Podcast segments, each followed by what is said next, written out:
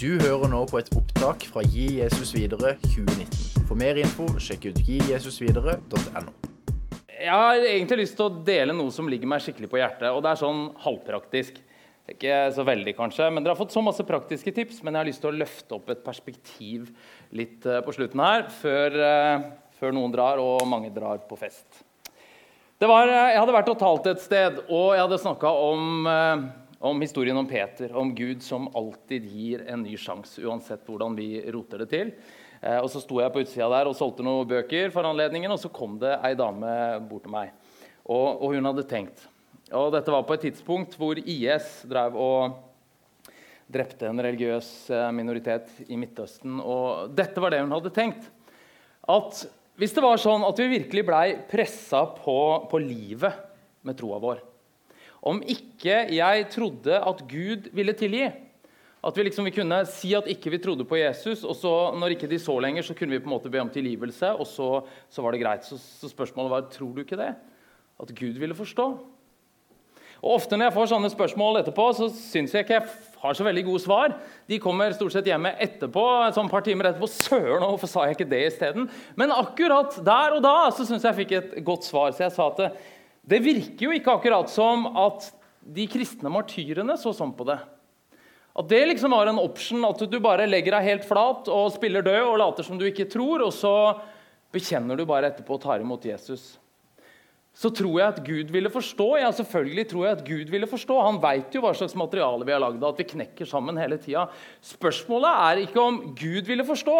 Spørsmålet er om vi i det hele tatt ville hatt en kirke hvis det er logikken de som har gått før oss, hadde hatt. For Kirken er ikke en kameleon som kamuflerer seg gjennom historien. Og Vi sitter ikke her i dag for dem som liksom har valgt enkleste vei, men som heller har valgt å bære Kristi kors. Og Likevel så tenker jeg at eh, det er, en, det er en grunn også til at dette spørsmålet dukker opp. og Jeg veit ikke så mye om denne dama som stilte meg spørsmålet, og jeg kommer til å tilegne henne en hel haug med masse greier som hun sikkert ikke står for, men jeg skal bruke hun litt som eh, postergirl for eh, som en litt sånn som jeg skyggebokser litt med her gjennom det jeg skal si. Men la oss, hvorfor kommer denne tanken da? om at ikke Gud vil forstå, så vi liksom bare kan fornekte, og så kan vi bekjenne etterpå? Jo, det er jo tror jeg, et uttrykk for en ganske stor endring i vestlig kultur. Og den canadiske filosofen Charles Taylor har beskrevet det som 'the subjective turn'. Som endringen innover. Fordi i ganske mange generasjoner så var, var det sånn at vi forholdt oss til en autoritet utenfor oss selv, som på en måte definerer rett og galt eller eh, hva vi bør gjøre og hva vi ikke bør gjøre. Og Det kunne være kongen eller keiseren eller fedrelandet eller Gud eller paven eller lensmannen eller hvem det nå skulle være. Men i vår kultur og i vår kontekst så har det skjedd en sånn endring innover, hvor vi alle er konger i vårt eget moralske univers. Charles Taylor kaller dette for autentisitetens etikk ethics of authenticity, hvor det viktigste moralske gode det er at jeg er tro mot meg selv. Så skal jeg handle riktig, så må jeg være tro mot meg selv. Og dette preger jo hvordan vi også forholder oss til hverandre. For så er det En amerikansk religionssosiolog som faktisk for noen tiår siden nå eh, forska på smågrupper i USA. Og han, En av konklusjonene hans var at dette er ikke egentlig kristne fellesskap. Det er mennesker som kommer sammen for å snakke om seg selv i andres nærvær. Og du vet at Det er jo ikke, det er jo ikke fellesskap. Men da kommer jeg, og så er det så flott at dere andre ni er samla her i kveld, så jeg kan snakke litt om hvordan jeg har det. Og så sitter alle sammen og gjør det.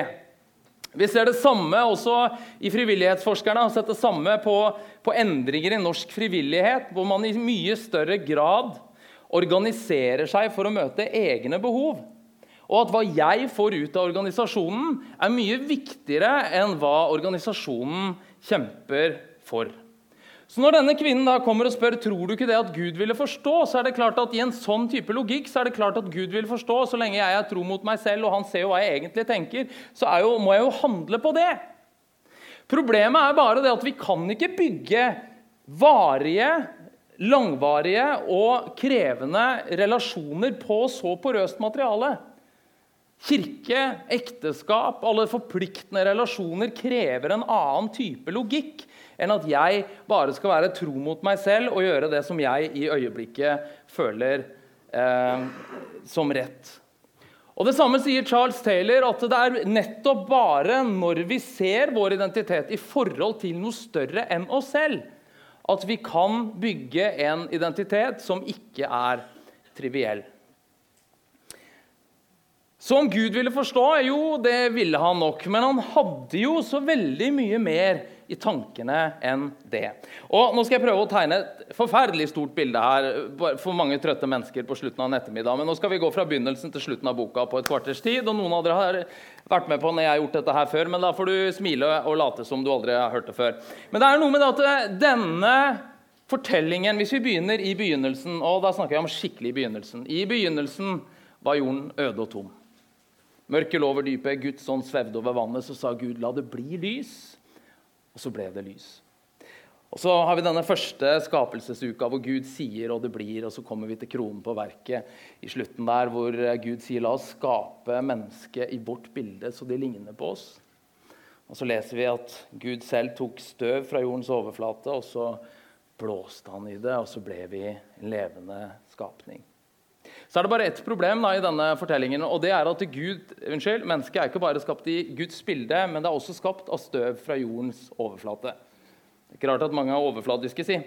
Eh, men eh, pling! Pappavits. Eh, men det er jo noe med det som den jødiske teologen og filosofen Abraham Heschel sier, at mennesket står et sted mellom Gud og mennesket. Og ute av stand til å leve alene så søker han fellesskap med en av de to.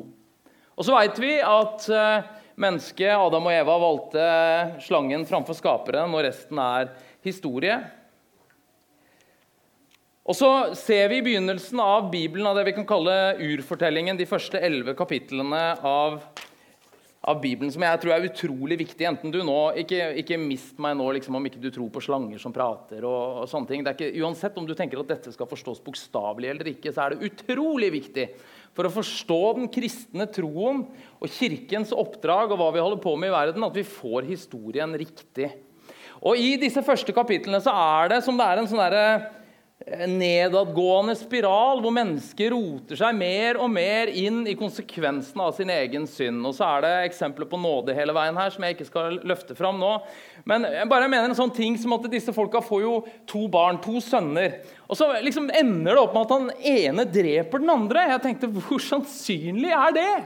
Så fikk jeg unge sjøl, og så tenkte jeg at det er vel ikke så rart. Det er vel liksom det her tredje verdenskrig og Harmageddon inn på gutterommet, liksom. Men spørsmålet er jo hvor er foreldrene? Og så har du, kommer vi til kapittel 6, hvor det står at alt mennesket gjør, fra det står opp om morgenen til det går og legger seg om kvelden, er ondskap. Og Gud selv angrer i sitt hjerte.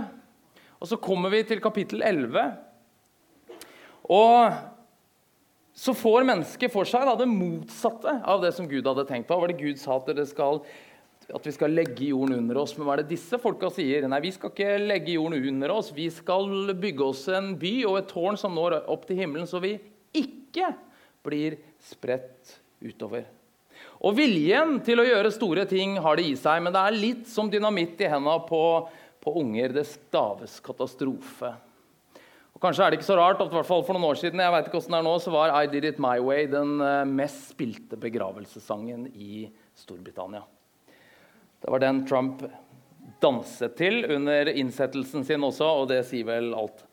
Eh, men så, så står vi da i, eh, ved slutten av første Mosebok 11. Og det ser ut som at dette, denne fantastiske historien som Gud hadde satt i gang, hvor han ser at det er ikke bare godt, men det er overmåte godt, det ser ikke så bra ut lenger.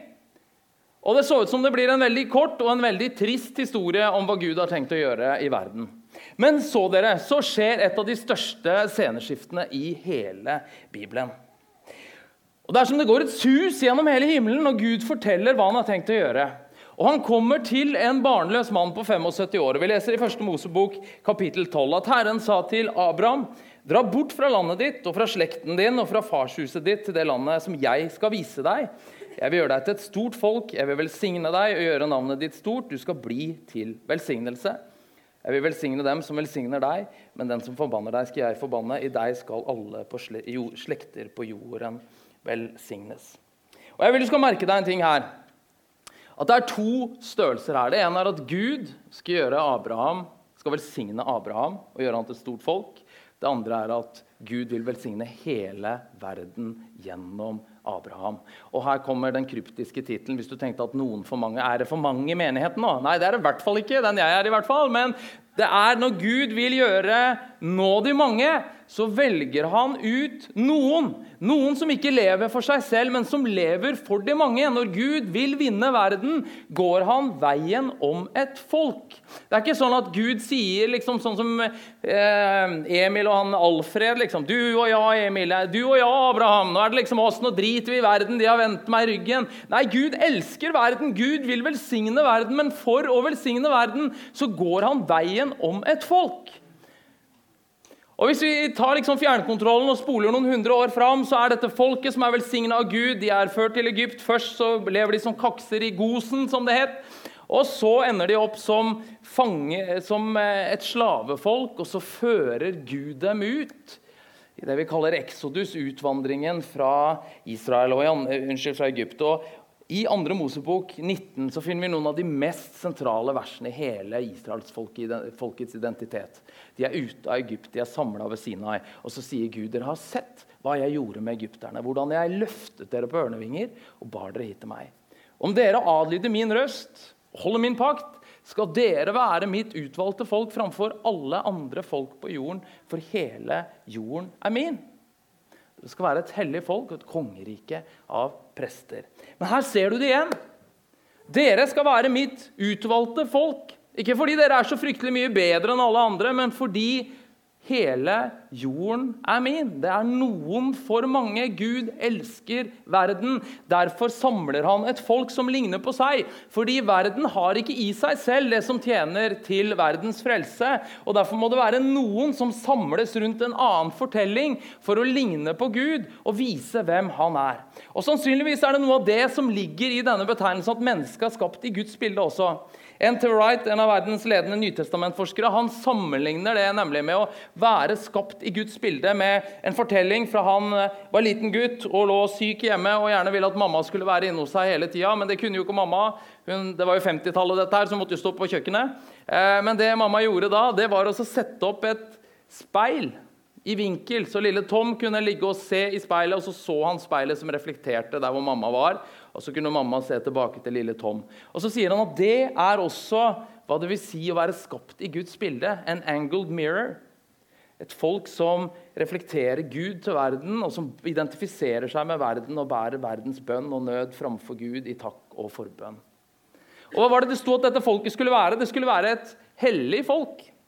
Jeg veit ikke åssen dette er i alle dere andre organisasjoner, men hellig jo et, det er jo et ord med bagasje, i hvert fall i pinsebevegelsen. Det blei mye skjørtelengder og hårtuller og helliggjørelseskoder og øredobber og ikke-øredobber. Så når kona mi var fem eller sju eh, i en pinsemenighet på Østlandet og fikk hull i ørene, så fikk hun høre av venninna si at nå er ikke du kristen lenger. Eh, og svigerfar, som var en litt mer liberal baptist, som ikke hadde fått det helt åpenbart at det var synd å gå på kino og gjerne ville se Flåklypa Grand Prix, han tok med familien til nabobyen isteden. Og traff halve eldsterådet i menigheten. For det er jo det fantastiske med hykleriet. Det, det lever godt du, under radaren. Men det skal være et hellig folk. Et, et folk som, vis, som samles rundt en annen fortelling, som er adskilt med en hensikt. Og så skulle det være et kongerike av prester, og det er jo nettopp dette som Wright beskriver som angled mirror. Prestene er jo disse som har en medierende rolle, som vi kan si, som bringer Guds velsignelse og kjærlighet ut til verden og som reflekterer verdens sorg og takknemlighet tilbake til Gud.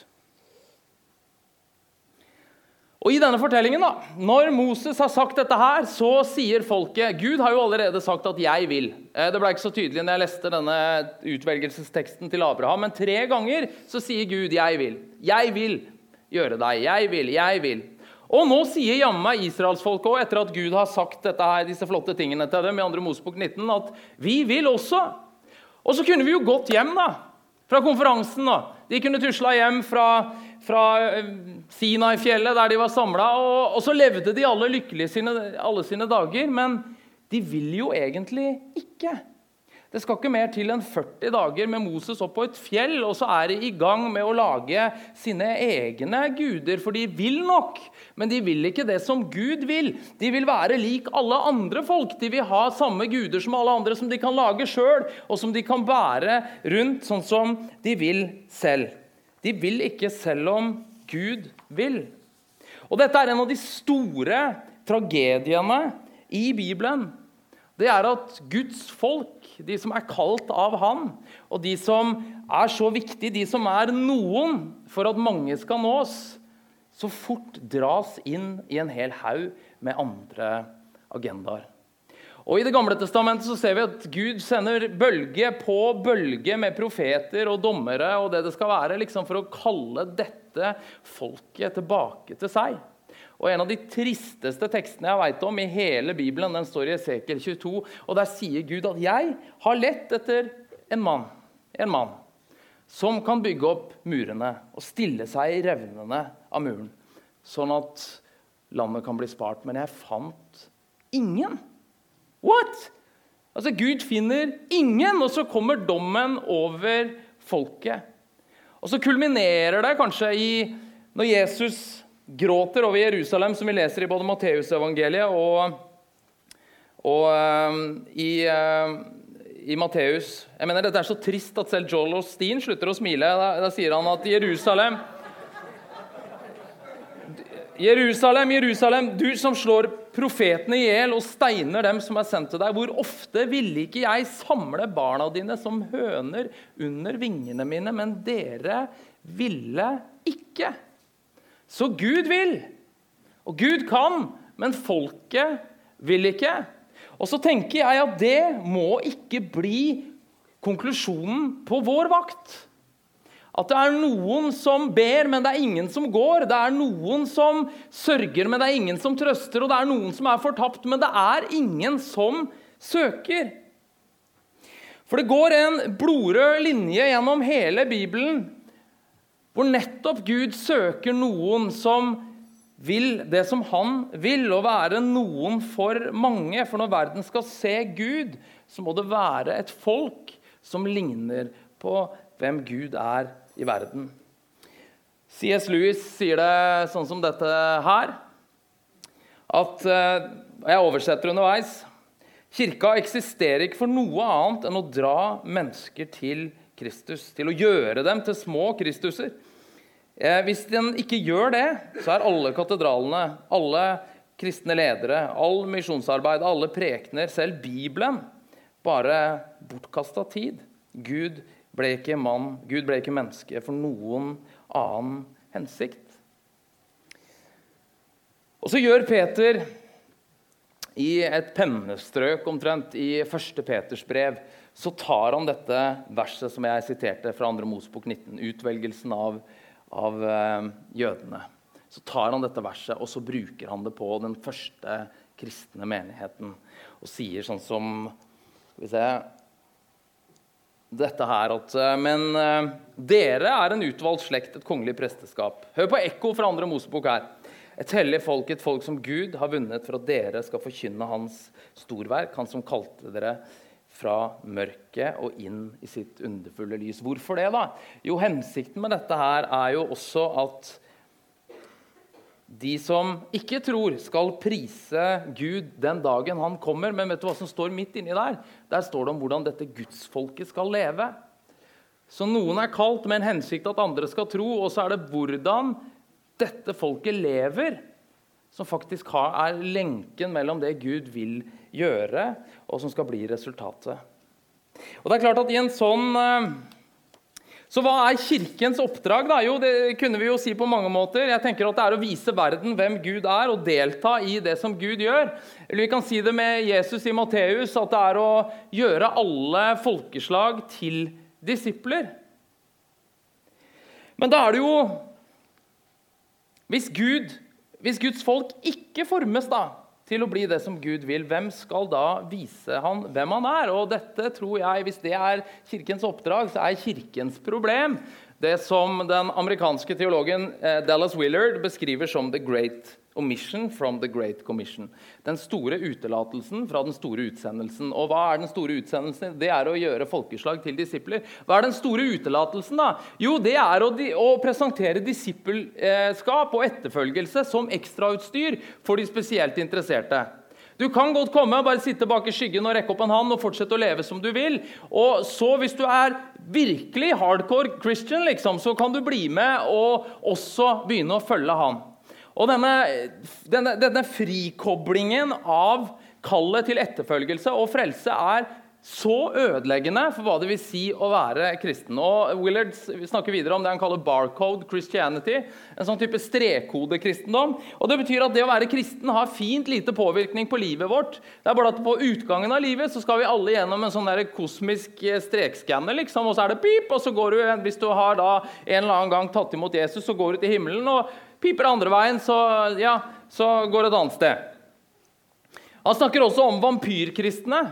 Kristne som bare er opptatt av Jesu blod og ikke hans liv. Men du vet at denne tanken om at hvorfor skal, vi, vi skal, hvorfor skal vi bli kristne fordi vi skal komme til himmelen når vi dør? Altså, det er jo i beste fall en underfortelling av den store fortellingen. Da hadde du jo med respekt å melde, uten å være tøff i trynet og prøve å slå billige poeng her, da hadde det vært bedre at alle døde med en gang de ble kristne. Da hadde vi risikert at, Tenk statistikken vi hadde hatt. Ingen hadde falt fra. Men saken er jo det at vi er jo ikke skapt bare for å komme til himmelen når vi dør. Vi er jo skapt for å legge jorda under oss og forme den i Guds bilde. Og delta i det Gud holder på med i verden. Og hva er det vi sitter og ber i Herrens bønn? da? Vi sitter jo ikke og ber Ta oss bort fra dette forferdelige hølet. Men vi ber, la riket ditt komme på jorden som i himmelen. Og så inviteres vi som hans etterfølgere til å delta i Guds forløsende verk. Og denne, denne fra, altså dette, Når vi kobler dette fra hverandre, og dette viser empirien nå og Her er det mange som er mye bedre enn meg, men, men, National Study of Youth and Religion, som Christian Smith og flere andre gjorde i USA Det er jo snart 15 år siden nå. Men den viser jo nettopp at unge amerikanere er veldig opptatt av religion. Men det har så å si ingen påvirkning på livet deres. Og de er i veldig liten grad i stand til å artikulere det de tror på. Det, det, som, det, som, forskerne beskriver det som, er det de kaller moralistisk terapeutisk deisme. Hva er det? Deisme er liksom urmakerguden som har trukket opp klokka, og så har han trukket seg tilbake. Og moralistisk ja, det, skal, det, blir sånn feel good. Gjør det som er riktig. Just don't be an asshole. That's all. Det var liksom en av konklusjonene i respondenten der. Bare ikke være en drittsekk, så er det greit, liksom. Og, og, terapeutisk Jo, Gud blir en sånn allmektig butler der oppe som stiller opp når vi trenger han, ikke sant? Så ender vi opp som George Bernard Shaw, den britiske forfatteren, sa, at Gud skapte mennesket i sitt bilde, og mennesket var raske til å gjengjelde den tjenesten. Og Så sitter vi der med Gummigud som kan bøyes i alle retninger, eller Buddy Jesus som sitter i sofaen med neven oppi ostepopposen og mener eksakt det samme som oss. liksom. Er ikke det fantastisk å se hvor lik Jesus er meg? Og så mister evangeliet hele sin evne til å forme et folk som ligner på Gud i verden. Og hvis ikke det er noen, så kan vi heller ikke forvente at de mange skal bli nådd. Vet du hva, Der hadde det faktisk vært et par stykker i Skien som hadde sagt amen. Det veit jeg. Og jeg tenker jo at Denne kvinnen da, som jeg tillegger motiver så det holder etter her, jeg tenker jo at hun er jo en representant for dette her. Autentisitetens etikk, inntog i kirken. Det som den tyske teologen Dietrich Bonhoeffer og nå, Det var akkurat det du trengte liksom, når du begynte å bli trøtt på ettermiddagen. Dra fram en tysk teolog, og så kommer det oksygenmasker ned fra taket. Men Bonhoeffer han er jo kjent for, for det som han kalte billig nåde, som han identifiserte som kirkens dødsfiende fordi den rettferdiggjør synden og ikke synderen. Og den gir billig dekning for synder som mennesker verken angrer eller vil bli satt fri fra. Du, Nå har jeg prata så lenge at nå skal dere faktisk få lov til å snakke litt sjøl òg. Så Dallas Willard han sier dette her. Dette er en påstand som han kommer med. Churches, altså Kirkene er fulle av udisippelgjorte disipler. De fleste problemene i eh, dagens kirker kan bli forklart av at de fleste medlemmene ikke har bestemt seg for egentlig å følge Jesus. Det var ikke min uttalelse, det, det, var Willard. Men kan ikke dere, bare for å få en liten avbrekk fra, fra min intense stemme her, kan ikke dere ta oss og prate om summegruppe, som vi kaller det på fint? To-tre stykker sitter og snakker litt sammen om All dette. right. Jeg, regner ikke, Det viktige her var liksom ikke å nå fram til en enighet, men uh, dere kan jo tenke litt videre på det. Nå skal jeg prøve å utføre et maskulint mirakel her og prøve å holde to tanker i hodet samtidig. Um, for når jeg nå skal prøve å bli sånn semikonkret Jeg kommer til å la det ligge og henge litt oppi her, så får dere ta det med hjem sånn som det passer dere. Men uh, jeg liker jo bokstavrim. Uh, jeg har en greie for bokstavrim, så nå kunne jeg gitt dere masse punkter på P. Men dere skal få to. Uh, for jeg tenker jo at det vi må Altså Hvis det første punktet dreier seg om at uh, når Gud vil gjøre noe i verden Nå tror jeg også heldigvis at Gud jobber i verden utenfor kirken, men jeg tror nok at uh, kirken som Guds folk er liksom hovedredskapet Gud bruker for å vise verden hvem han er.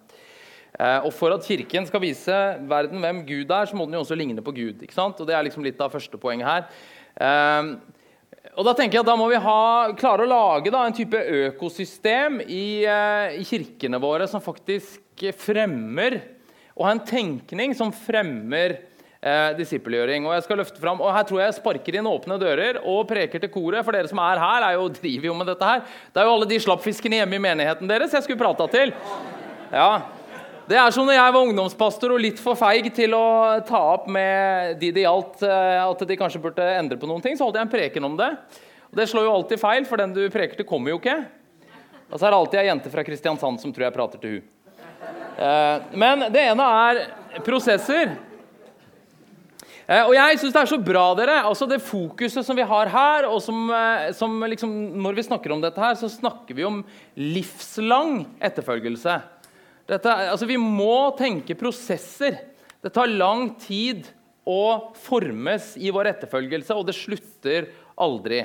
Og Derfor skal vi ikke bare gi Jesus videre på søndag, men hele uka. Og Det er jo en utfordring da, i vår kultur, som Thomas Hylland Eriksen, sosialantropologen, har liksom, For å gi en tidsbeskrivelse så snakker han om øyeblikkets tyranni. Vi har jo så forbaska dårlig tid til alt. Så Gud, gi meg tålmodigheten, da! Eh, og Takk for den, du som lo der. Eh, vi vil... Vi vil jo, Hvorfor i all verden skal én kvinne gå gravid i ni måneder? liksom? Kunne vi ikke få ni, ni kvinner til å ta en eh, måned hver? altså sånn parallelt, så vi blei ferdig med de greiene der. Eh, men da er spørsmålet når, når begynner disippelskapet? da? Altså Den klassiske tenkningen er jo liksom at eh, folk er søkende fram til et punkt, og så skjer det en omvendelse, og så er det liksom disippel, disippelskap etter det. Men når var det egentlig disse folka som, eh, som, som fulgte Jesus? Altså Hvis du ser gjennom evangeliefortellingen, så skjønner du at de har jo virkelig ikke clou på hva de har gitt seg ut på. Altså De vil krone han som konge. og Det er jo til og med noen teologer som mener at det var derfor Judas solgte eller forrådte Jesus. For altså, han, han, skjønner jo ikke sitt eget beste, liksom.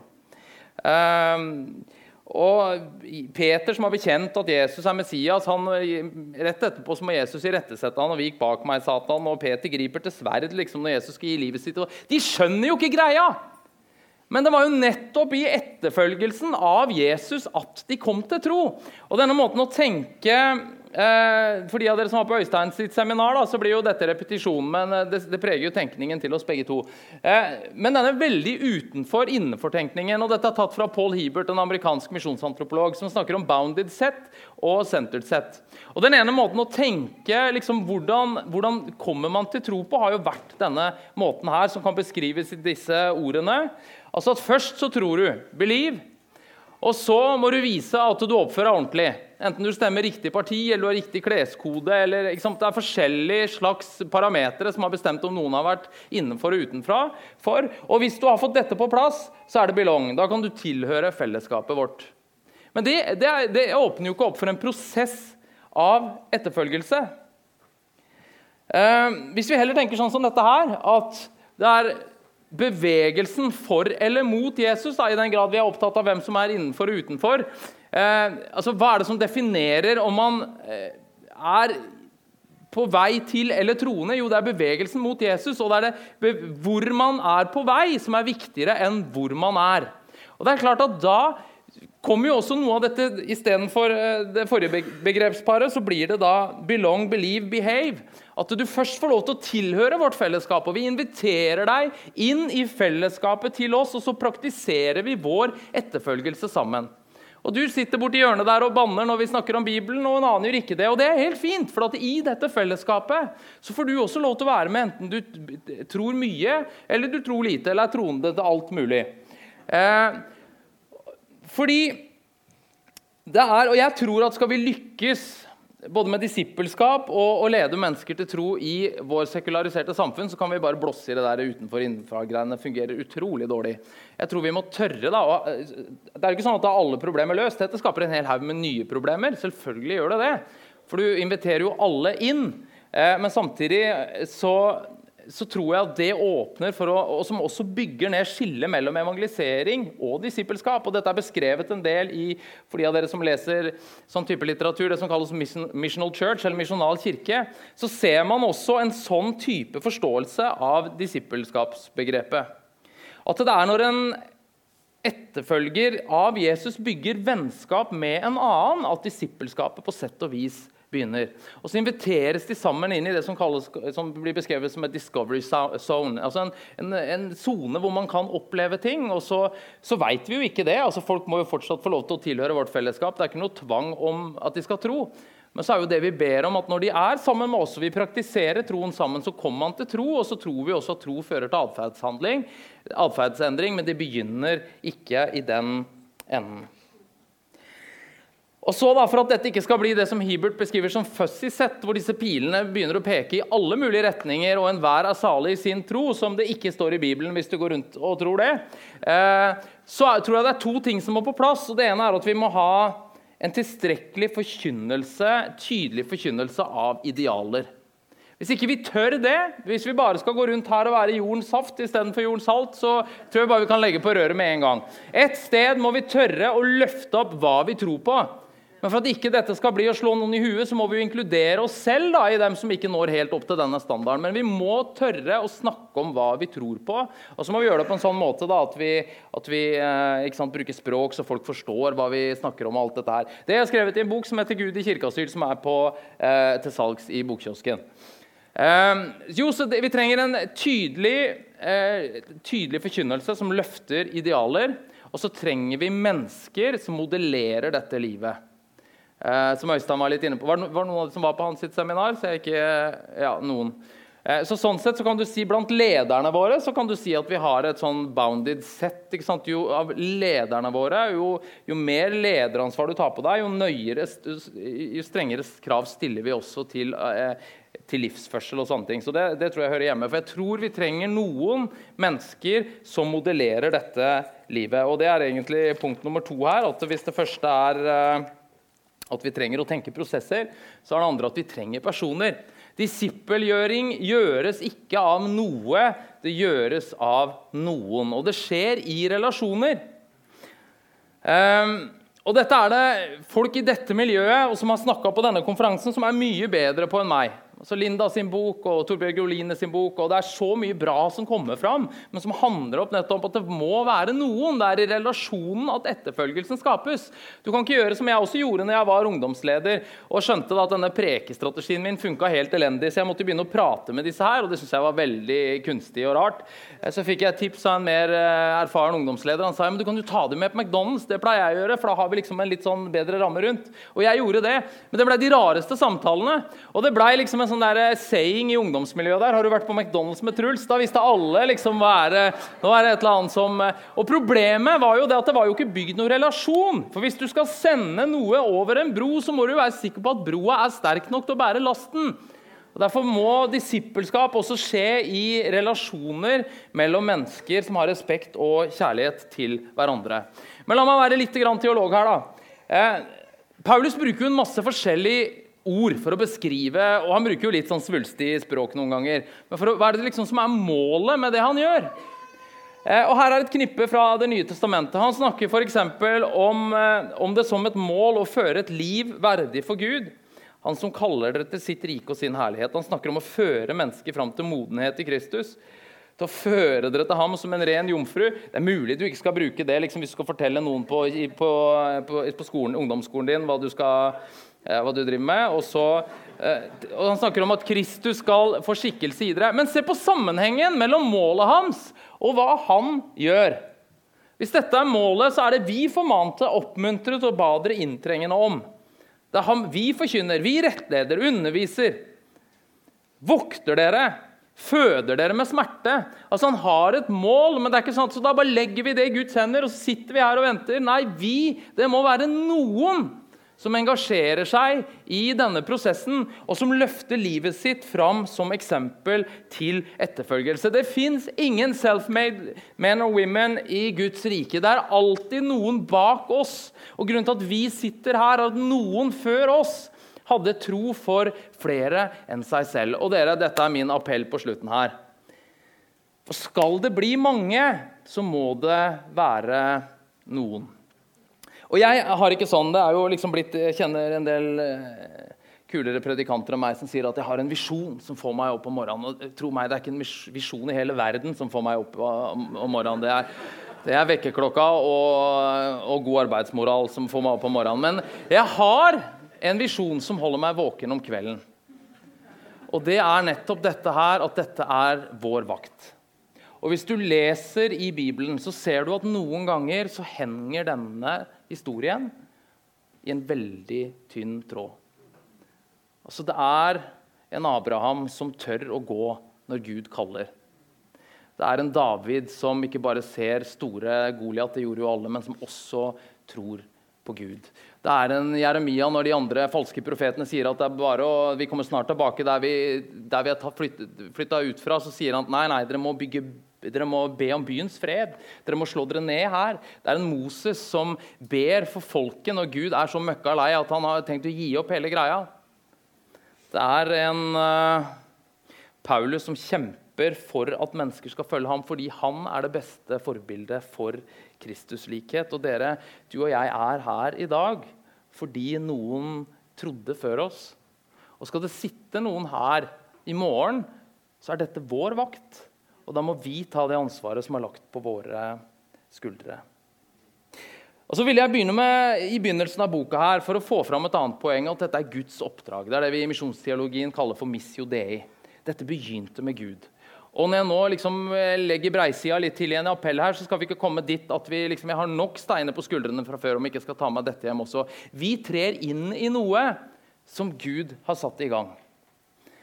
Eh, og Vi leser i slutten av Johannes-evangeliet, hvor disse disiplene sitter innelåst av frykt for hva, hva myndighetene skal gjøre med dem når de har korsfesta Jesus. Så dukker Jesus opp, og så sier han to ganger 'fred' være med dere. Og så sier han som far har sendt meg, sender jeg dere. Og så pustet han på dem og sa, ta imot Den hellige ånd. Dette er Guds oppdrag. Det begynner med Gud, som sender Sønnen, som sender menigheten ut i åndens kraft. Men det at Gud gjør alt, betyr jo ikke at vi ikke skal gjøre noen ting. Det er jo det Paulus, Peter får erfare i neste kapittel i Johannes-evangeliet, når han eh, du vet at han har jo forrådt Jesus så grundig, og de har liksom ikke fått gjort opp saken sin ordentlig. Men eh, etter et fiskemåltid på stranda der så kommer denne fantastiske tiraden i Johannes 21, hvor Jesus spør tre ganger elsker du meg, og Peter svarer ja, du veit jeg har deg kjær. Og så sier Jesus sier da jeg elsker deg, sier Peter, før mine får, sier Jesus. Og Det er en sammenheng dere, mellom vår kjærlighet til Jesus og vår tjeneste til andre. Og Så går vi litt lenger ned i historien her, og så blir det jo helt tydelig at Jesus fullstendig er blåst når det gjelder markedsføringsevner. For jeg mener her har Paul, Peter har jo gått nå i noen uker og vært skikkelig forknytt og aldri fått gjort opp saken sin. og Nå, liksom, nå har han og Jesus kommet på, på de, er, de, er, liksom uh, nå, jeg mener, han, Det er snørr og tårer, og Peter vil gjøre alt for Jesus. Og Istedenfor at Jesus da spør liksom, så følg meg, Peter. Ja, selvfølgelig, Jesus! Jeg skal gjøre alt for deg! Og så kunne han kommet liksom med det med liten skrift du kommer til å dø. Men da har han allerede skrevet under. Men det Jesus gjør, er jo å si til Peter at da du var ung, så bandt du beltet om deg og gikk dit du selv ville. Men når du blir gammel, så skal du strekke ut hendene, og så skal noen andre binde opp om deg og ta deg dit du ikke vil. Og så sier han, 'Følg meg'. Og Så viser han at åndelig modning og etterfølgelse av Jesus det dreier seg også om å ville gå dit man ikke vil. Og Så kommer denne dama inn i fortellingen igjen. Hun er fra det, det, stedet, og Så går hun bort til Peter og så sier hun, ja, men hvis ikke du strekker armene og går dit du ikke vil, tror du ikke det? At Jesus ville forstå? Og Så ser jeg at Peter snur seg mot henne og så sier hva er det du ikke forstår? Og Så snakker han om det som Jesus har lært ham, at uh, den som finner sitt liv, han skal miste det. Men den som mister sitt liv for meg, han skal finne det at det fins et liv i etterfølgelse av Jesus hvor vi ikke skal være dørmatte for all verdens elendighet og slite oss ut. og Det er ikke det jeg snakker om, men å gi hele sitt liv i etterfølgelse av Jesus. Sånn som uh, Martin Luther King sa If a man has not discovered something that he will die for, he isn't fit to live. Har man ikke funnet noe som man er villig til å dø for, så er man ikke i stand til å leve. Og Så ser jeg hjemme at hun dama er på vei bort til Martin Luther King også, for å fortelle at tror du ikke Gud ville forstå, men så stopper hun. For kanskje er hun i ferd med å innse at uh, dette ikke dreier seg om å, om å, redde seg selv, men om å gi seg selv for andre. Og at det ikke dreier seg om å tviholde på livet, men å virkelig finne livet ved å gi livet for Jesus. Og dere, det å gi Jesus videre, det med livslang etterfølgelse, det er ikke viktig bare for dem som kommer etter, det er også viktig for vår egen tro. For Det er greit at det har en prislapp å følge Jesus, men det er ikke gratis å la være. Og Herre, i møte med, med disse tekstene og med din fortelling, så, så ber jeg om at du skal uh, utvide hjertene våre, Herre. Du ser hvordan samtida vår eh, gir null støtte til å gi livet vårt for deg og til å gi livet vårt for andre. og til å drive med det vi driver med. Men jeg ber Herre om at du skal fylle oss med, med tro, med håp, med frimodighet. Og så ber jeg for dem som kommer inn i dette rommet og inn i denne konferansen og er utslitt. Og hele Livet er frynsete, og tjenesten henger i en tynn tråd. Jeg ber om at du skal komme til dem nå, sånn som du gjorde i, i skapelsens morgen. Da det var mørke lover dyp, og Guds ånd svevde over vannet. Og så talte du, og så skapte du liv. Takk at du, Hellige Ånd, er i dette rommet nå. Jeg ber om at du skal skape ditt liv der hvor det er mørke, og hvor det er livløst. I Jesu navn.